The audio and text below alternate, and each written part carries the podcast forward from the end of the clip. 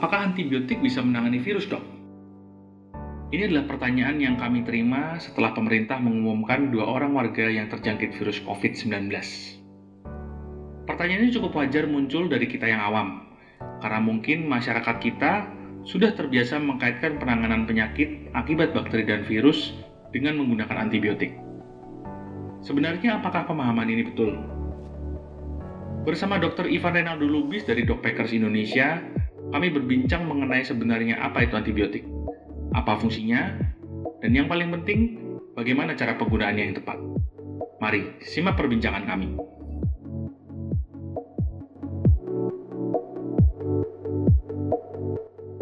Uh, halo, Dokter Ray.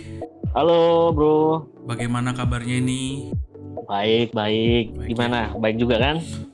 Puji Tuhan, baik. Luar biasa kita, Dokter Ray. Nggak kerasa hmm. udah masuk ke 2020 ini Iya nih bro. Kita bertemu lagi dengan Dov, Dr. Ivan Rinaldo nih teman-teman. Nah, ke saya sama Dokter Hari itu ngobrol oh. soal uh, Wuhan pneumonia nCoV itu yang baru ya, yang lagi hmm. lagi marak hmm. itu kan. Terus karena yeah. perbincangan itu uh, banyak yang ngobrolin soal antibiotik gitu, soal antibiotik. Antibiotik itu hmm. bisa nggak dok? Nah, kemudian kemarin kan uh, dokternya juga sempat share di IG story-nya kan bahwa mm-hmm. apa namanya ya soal mungkin ke kurang mengertian masyarakat soal antibiotik gitu makanya kita pengen iya. ngobrol soal mm-hmm.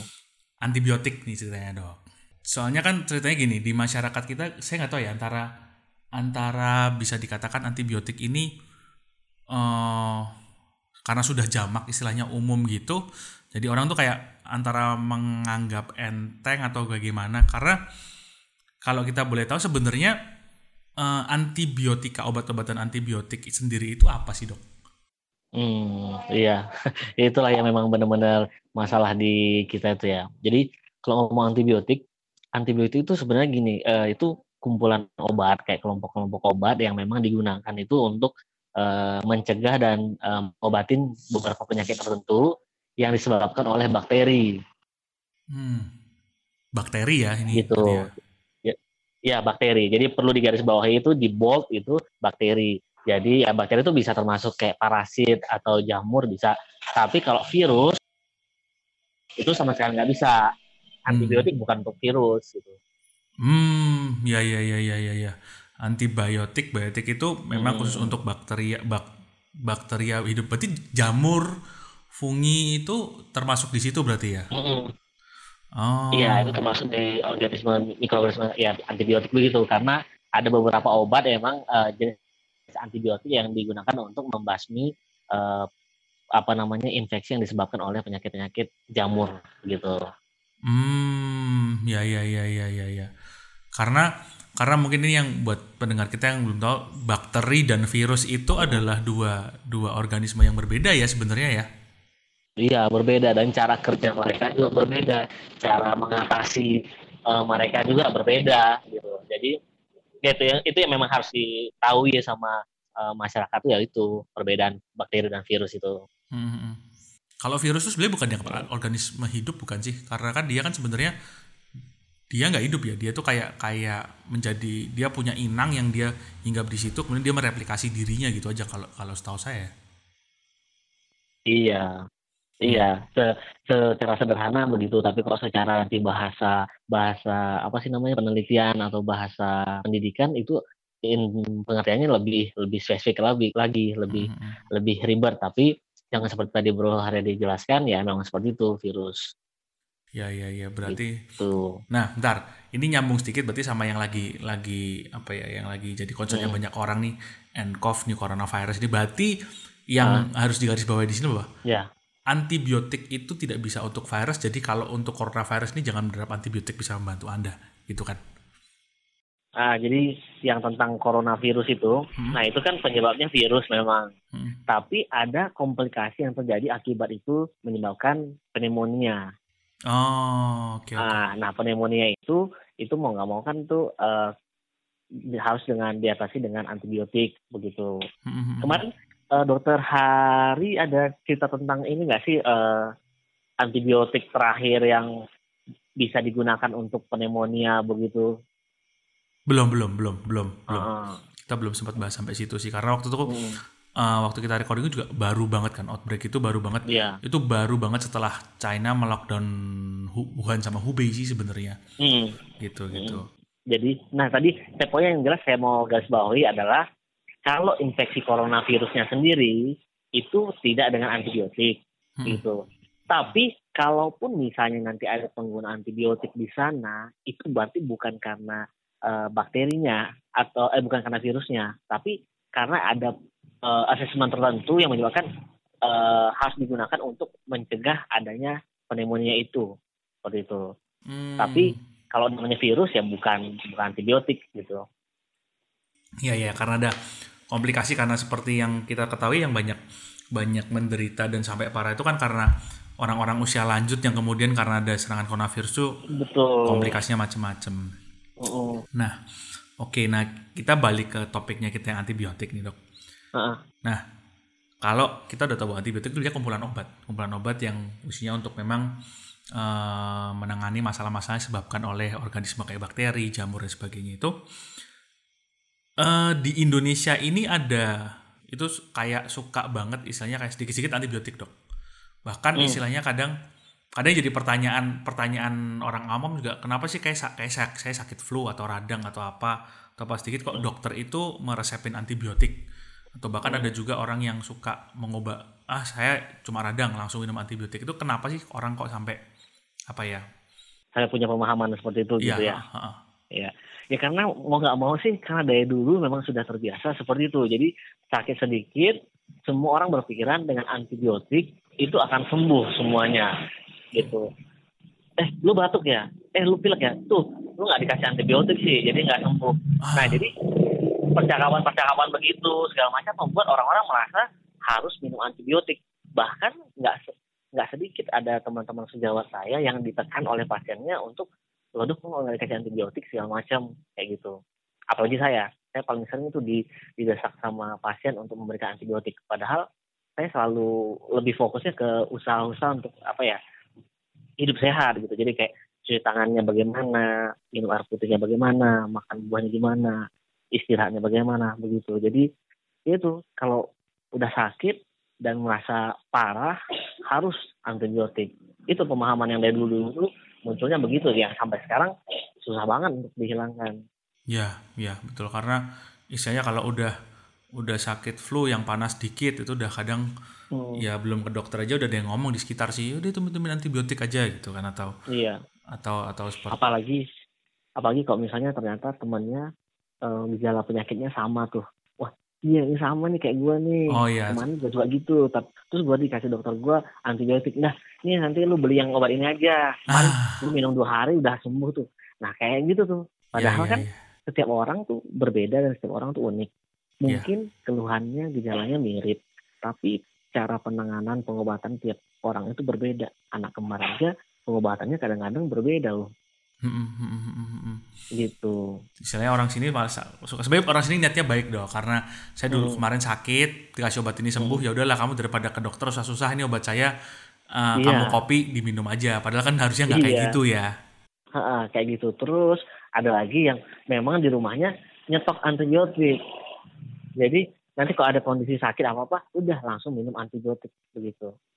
Oh, nah pertanyaan gini, sebenarnya antibiotik itu semua harus dengan resep dokter atau memang ada antibiotik yang kita boleh beli tanpa resep selain dengan sampai saat ini harus dengan resep dokter karena penggunaan obat antibiotik itu berbeda dengan obat-obatan yang umum seperti obat sakit kepala, obat uh, pilek segala macam hmm, hmm. berbeda gitu karena eh, dampak dari antibiotik ini dan penggunaan dosis semua segala macam benar-benar berbeda dan eh, ketika terjadi penyalahgunaan ini bisa berbahaya sekali sih. Oh, oke okay, oke. Okay.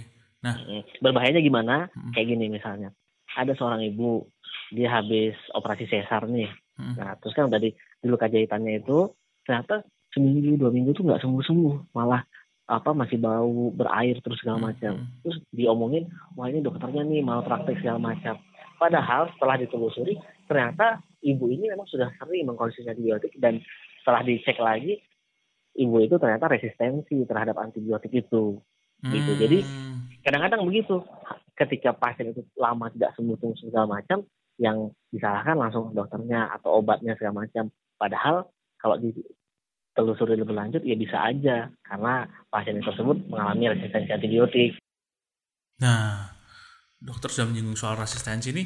Sebenarnya resistensi ke arah uh, abuse ya kalau saya ngomong penggunaan yang yeah. tidak tepat. Nah, sebenarnya kayak tadi kayak case orang asal minum antibiotik tanpa resep kemudian nyetok di rumah itu kan berarti bisa nah. kebanyakan kan dia hitungannya nah sebenarnya ya, betul. antibiotik ini sebenarnya efeknya kalau kebanyakan tuh kayak gimana sih dok atau hmm. uh, ya kebanyakan lah kalau kita hmm. konsumsi tanpa resep dokter terus dia efeknya efeknya bakal apa di tubuh kita ya jadi ngomong kebanyakan dan kekurangan sebenarnya juga sama ya hmm, jadi okay. antibiotik itu dosisnya memang harus pas nggak boleh kurang dan nggak boleh lebih Nah, kenapa nggak boleh kurang dan nggak boleh lebih ya? Kalau misalnya uh, dosisnya diberikan lebih lebih segala macam, otomatis uh, penggunaan antibiotik ini membuat bakteri ini pun bisa lama-lama uh, memahami, oh obat ini ada nih untuk nyerang saya gitu. Jadi dia memahami, oh itu uh, apa namanya dia akan mengalami adaptasi, hmm. terus mutasi, akhirnya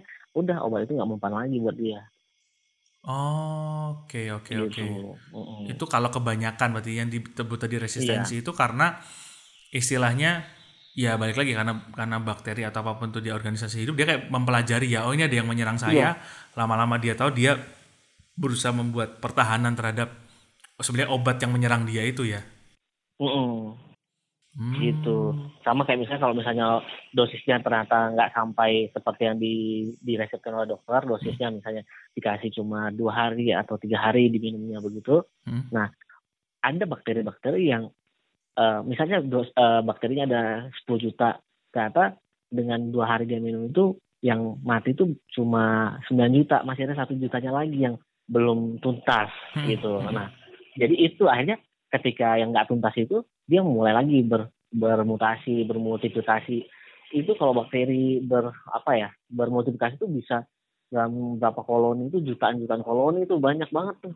Hmm, dan cepat ya hitungannya dok. Apa? Dan ketika bakteri itu misalnya ngomong bakteri tadi nggak tuntas masih ada di tubuh kita, dia untuk bermutasi terus berkembang lagi juga cepat lagi hitungannya ya. Iya.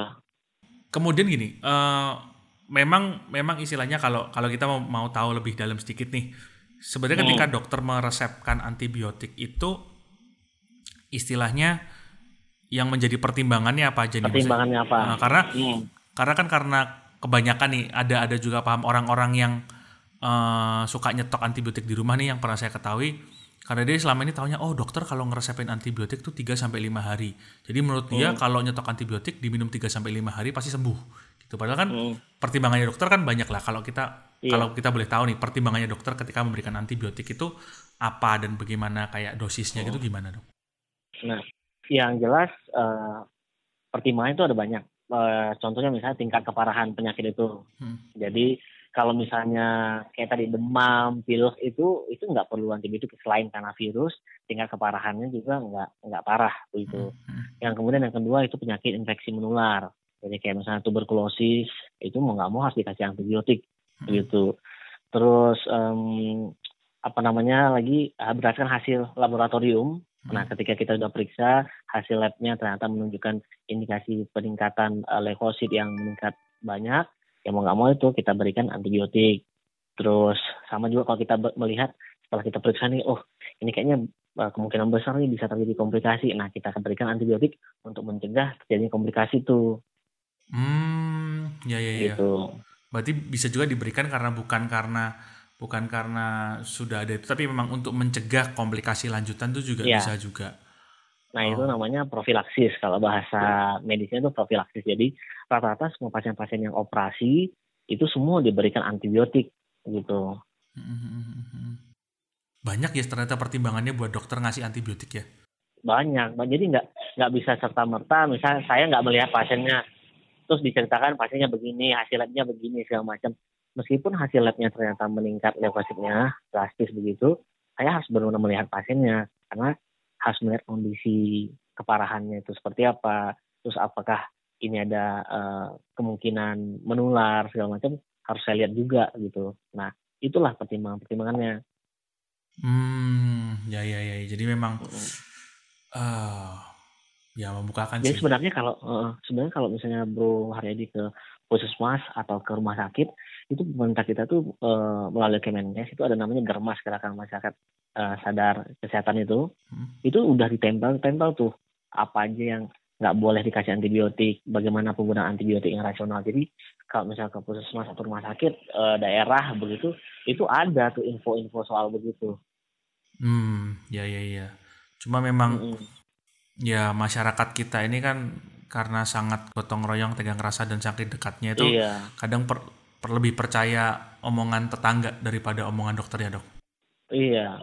Jadi ya, ya, apalagi kalau misalnya eh, kayak apa ya? Misalnya ketika saya edukasi soal kesehatan, eh, yang penting cuci tangan yang benar, Mm-mm. terus istirahat cukup, makan buah segala macam, itu dianggap kayak ah saya bisa kok cari dari Google ini. Saya butuhnya antibiotik. Antibiotik hanya bisa dikasih sama dokter, nggak lewat anti lewat Google gitu. Nah itu agak-agak sedih sih. Hmm. Tapi ya saya berusaha untuk terus mengedukasi semua pasien saya. Ya selama saya pikir itu tidak perlu antibiotik, ya nggak akan saya berikan gitu. Hmm. Dan dan saya selalu mencoba menyampaikan eh, kepada pasien-pasien saya eh, untuk antibiotik eh, jangan jangan sembarangan begitu. Ya ya ya ya ya. Nah tadi menarik nih dok. Sebenarnya gini. eh, Oke, Hmm. sebenarnya ada nggak penyakit-penyakit yang istilah gini, memang pada taraf tertentu istilahnya mereka penyakit-penyakit ini harus menggunakan antibiotik. Tapi kalau Hmm. pada tahap-tahap awal ketika kita bisa melakukan deteksi awal atau istilahnya Hmm. eh, orangnya ini cukup aware dia ke dokter dulu atau gimana dia tuh nggak dikasih antibiotik. Hmm. Contoh, contoh dok. Kalau Hmm. kayak di pengertiannya masyarakat tuh orang kalau radang tenggorokan itu harus minum antibiotik. Betul apa enggak? Atau istilahnya Enggak. ternyata radang itu kalau tertentu nggak harus deh istilahnya gitu.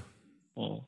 Jadi sebenarnya kayak radang, demam, pilek, apa yang orang kita bilang tuh selesma segala macam, Hmm. itu tuh itu tuh semua rata-rata disebabkan oleh virus. Jadi ketika kondisi tubuh kita imunnya lagi turun, nah kita rentan tuh kena infeksi virus. Jadi Hmm. muncullah seperti itu radang tenggorokan, eh, demam segala macam. Tapi itu dengan minum yang cukup, air putih ya, minum air putih yang cukup, istirahat cukup, makan yang eh, bersih dan sehat, itu bisa kok sembuh gitu.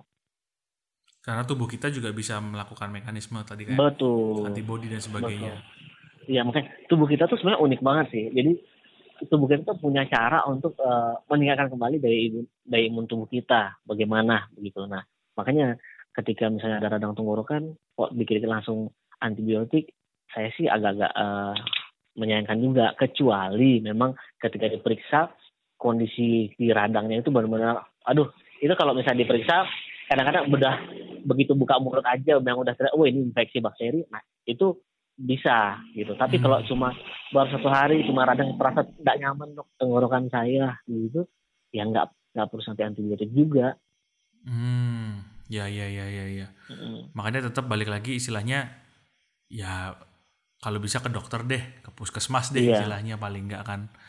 Betul, karena memang pengobatan itu harus dilihat, dilihat dulu pasien itu. Makanya kalau ada kita dokter tuh ada namanya eh, saat proses anamnesis, saat proses apa pemeriksaan itu ada namanya inspeksi. Inspeksi itu kayak kita lihat dulu pasiennya seperti apa. Makanya banyak dokter-dokter senior yang ketika eh, pasien-pasien datang ke kliniknya tuh dari melihat aja dia udah oh kayaknya nih Pak, dia begini nih sakitnya nih gitu. Hmm. Ya karena memang harus dilihat. Nggak Hmm. bisa berdasarkan apa katanya pasien atau apa katanya keluarga pasien. Nggak bisa. Bener bener bener dan dokter juga udah berpengalaman megang ribuan pasien justru Mm-mm. kadang jam terbang dan pengalaman tuh yang bikin obatnya tuh makin saya makin presisi lah kalau saya ngomong ya. Betul. Iya, iya, presisi mantap ya. Presisi dong karena misalnya dokter yang baru menangani 100 pasien sama yang udah 10.000 ribu pasien kan yang 10.000 ribu pasien kan saya ya itu dokter senior kita bilang tadi. Mm-mm. Nah. iya. yang menarik tadi sebenarnya kalau gitu kan kita bisa ngomong ini pengertian yang saya dapat dari ngobrol ini ya berarti sebenarnya ya kalau kenyataannya sakit kita ini nggak butuh buat kita minum antibiotik sebenarnya sangat disayangkan kalau sampai sampai kita akhirnya mengkonsumsi antibiotik ya dok ya? Iya. Karena ini kasihan di diri kita sendiri sih. Ya karena karena orang kita nggak butuh kok sebenarnya kan. Heeh. karena gini saya pernah pernah baca satu artikel di mana sebenarnya ini nggak cuma di Indonesia tapi tapi ada satu Hmm. kecenderungan bahwa uh, masyarakat sekarang itu over abuse antibiotik. Saya baca artikel ini soal di Amerika soal uh, jadi ada satu satu concern bahwa karena orang over abuse jadi terlalu banyak mengkonsumsi antibiotik tanpa penggunaan yang seharusnya uh, hmm. ada bakteri-bakteri yang berkembang menjadi superbakteria, bakteri yeah. super istilahnya. Dan ada istilahnya kalau begini terus ada satu titik di mana perkembangan antibiotik ini kalah cepat sama perkembangan si bakteri ini jadi bakteri super gitu loh. Apakah hmm. itu memang benar maksudnya benar terjadi nggak? Karena kalau saya berarti lagi oh jangan-jangan berarti ke depan uh, bakterinya makin susah diobatin ya atau gimana nih? Hmm. Itu benar banget sih karena kalau nggak salah itu uh, ini uh, nanti benarkan saya kalau saya uh, keliru ya. Maksudnya nanti saya coba cari tahu lagi. Sepengetahuan saya waktu itu di Inggris ya, itu huh? ada penderita pneumonia, huh? itu ada bakteri yang mungkin tadi seperti Bro Haryo bilang jadi super bakteri. Jadi huh? dia itu sudah tidak mempan lagi sama uh, antibiotik golongan yang terakhir uh, colistin. Padahal setahu setahu saya colistin itu antibiotik yang terakhir itu untuk digunakan uh, pneumonia dan uh, katanya eh, saya saya baca di artikel BBC sih waktu itu hmm. itu pasien di sana nggak mempan lagi uh, ada pasien nggak mempan lagi dengan diberikan kolistin yaitu tadi jadi jadi apa namanya super bakteria itu. Jadi resisten terhadap istilahnya bakterinya juga udah kayak dia belajar untuk resist terhadap antibiotiknya gitu. Iya. Hmm, sebenarnya gini fenomena itu uh, apakah memang murni disebabkan karena memang kita kita sering menggunakan antibiotik secara nggak benar atau gimana dok? Itu salah satunya. Jadi dengan penggunaan antibiotik yang salah itu, yang kesukaannya itu, itu bisa bikin uh, resistensi antibiotik. Tapi kalau kita bikin-bikin lagi banyak itu ya itu tadi uh, membeli antibiotik sembarangan tanpa resep dokter. Terus uh, apa namanya terlalu sering uh, memakai antibiotik sakit sedikit antibiotik hmm. terus mungkin juga karena ya karena kita tertular pasien yang memang sudah terkena infeksi bakteri yang memang sudah resisten terhadap antibiotik. Oh, Oke, okay. ya ya ya, gitu. ya, betul betul bisa bisa juga ya karena mm-hmm. yang di orang yang menderita itu bakterinya sudah lebih advance istilahnya kita yeah. ketularan udah langsung bakteri yang advance jadi mau dikasih yeah. antibiotik biasa juga nggak nggak itu ya. Ya makanya memang uh, kalimat klise yang bilang mencegah lebih baik daripada mengobati itu itu harus terus digaungkan. Jadi ketika misalnya ada teman yang sakit ya kita pun harus protek dengan di, diri kita. Ya kalau misalnya dia batuk segala macam ya mungkin aja dia udah resisten antibiotik ya udah kita pun pakai masker. Terus kita pun banyak kali lagi minum air putih istirahat cukup ya hmm. makan buah dan sayur segala macam. Ya kayak gitu. Gitu. Cuma memang budaya kita lebih sukanya adalah ketika terjadi sesuatu diobati hilang selesai. Gitu. Tanpa hmm. memikirkan resiko ke depannya. Ya ya ya ya memang istilahnya karena jadi jadi istilahnya kenapa di masyarakat kita yang kayak uh, dokter cerita di IG story hmm. itu seneng banget sama antibiotik antibiotik dianggap kayak pil ajaib ya dok ya? Iya kayak obat dewa gitu. Iya obat dewa. Apa-apa dikasih antibiotik. Bahkan dulu pernah tuh ada pasien saya luka patah tulang, luka terbuka, hmm? itu di lukanya tuh ditaburin antibiotik obat amoksilin dihancurin terus ditaburin tuh Aduh. di luka itu. Aduh. itu pertama ada dua konsep berpikiran salah. Yang pertama bahwa antibiotik e, tablet bisa untuk luka terbuka. Terus yang kedua bahwa obat yang untuk diminum itu bisa untuk obat e, luar, luar. luka luar. Padahal beda kan ya. gitu. ya. Iya, makanya itu pas kita mau operasinya membersihkannya tuh aduh lumayan sulit siapa juga itu dicampur dengan kopi sih pasiennya itu antibiotik campur dengan kopi ya jadi memang repot banget waduh itu di daerah dok di di, di... iya waktu saya dulu PTT di Sumba tuh waduh iya iya ya tapi memang ya ya pengertian ketika mencegah hmm. walaupun kesannya klise ya mencegah lebih baik daripada mengobati sebenarnya semua dokter itu walaupun ya maaf maaf sebenarnya dokter hmm. itu kan istilahnya uh, penghasilannya mata pencariannya kan dari mengobati orang sakit hmm. tapi sebenarnya dokter ya maunya ya kalau bisa orang sehat di sebenarnya bukan orang sakit iya ya. iya nah cuma memang di kita ini budaya untuk promosi prevensi kesehatan itu belum bukan suatu hal yang penting jadi lebih lebih lebih sukanya di kuratifnya aja pengobatannya aja gitu hmm. makanya kalau saya kan ikut uh, kerja di yayasan saya itu saya menekankan ke itu apa uh, edukasi edukasinya itu gitu hmm. jadi dengan kata lain sepeninggalannya kami nanti di daerah itu mereka setidaknya uh, tenaga-tenaga kesehatan yang ini atau masyarakat yang kita kaderkan itu memiliki konsep berpikir uh, pe, apa namanya promosi prevensi kesehatan itu penting gitu ya ya betul sih karena bagaimanapun istilahnya mau cobatnya secanggih apa pun, mm. mau aksesnya semudah apa pun yang namanya sakit itu nggak enak, lebih banyak ruginya lah istilahnya lah. Iya. Mm. Nah, jadi bayangkan aja nanti bertahun-tahun ke depan ketika semua antibiotik tidak mampu lagi mengobati penyakit-penyakit yang harusnya bisa diobati dengan antibiotik itu seperti apa dunia yang kita tinggalin ini gitu mungkin penemu penisilin antibiotik itu pun mungkin dalam ini sedih aja ngeliat kita yang over overuse, over abuse terhadap antibiotik. Oke, mungkin kira-kira begitu, Dokter Ray. Ya. Terima kasih untuk waktunya, untuk sharingnya. Sama-sama bro, dengan senang hati banget bisa ini berbagi ini. Ya, dan sehat, sukses terus dengan amin, amin. Sama -sama. pelayanannya di Dokter Share. Salam juga ya. buat teman-teman di sana. Untuk Anda yang ingin bertanya lebih lanjut mengenai topik sesi kali ini atau mengobrol dengan tim dokter di podcast dokter pribadi atau bahkan ingin menyampaikan saran mengenai topik-topik yang ingin dibahas di sesi-sesi selanjutnya, sapa kami di Instagram karena sekarang podcast dokter pribadi punya akun Instagram di @dokter.pribadi.official. Sekali lagi akun Instagram kami ada di @dokter.pribadi.official.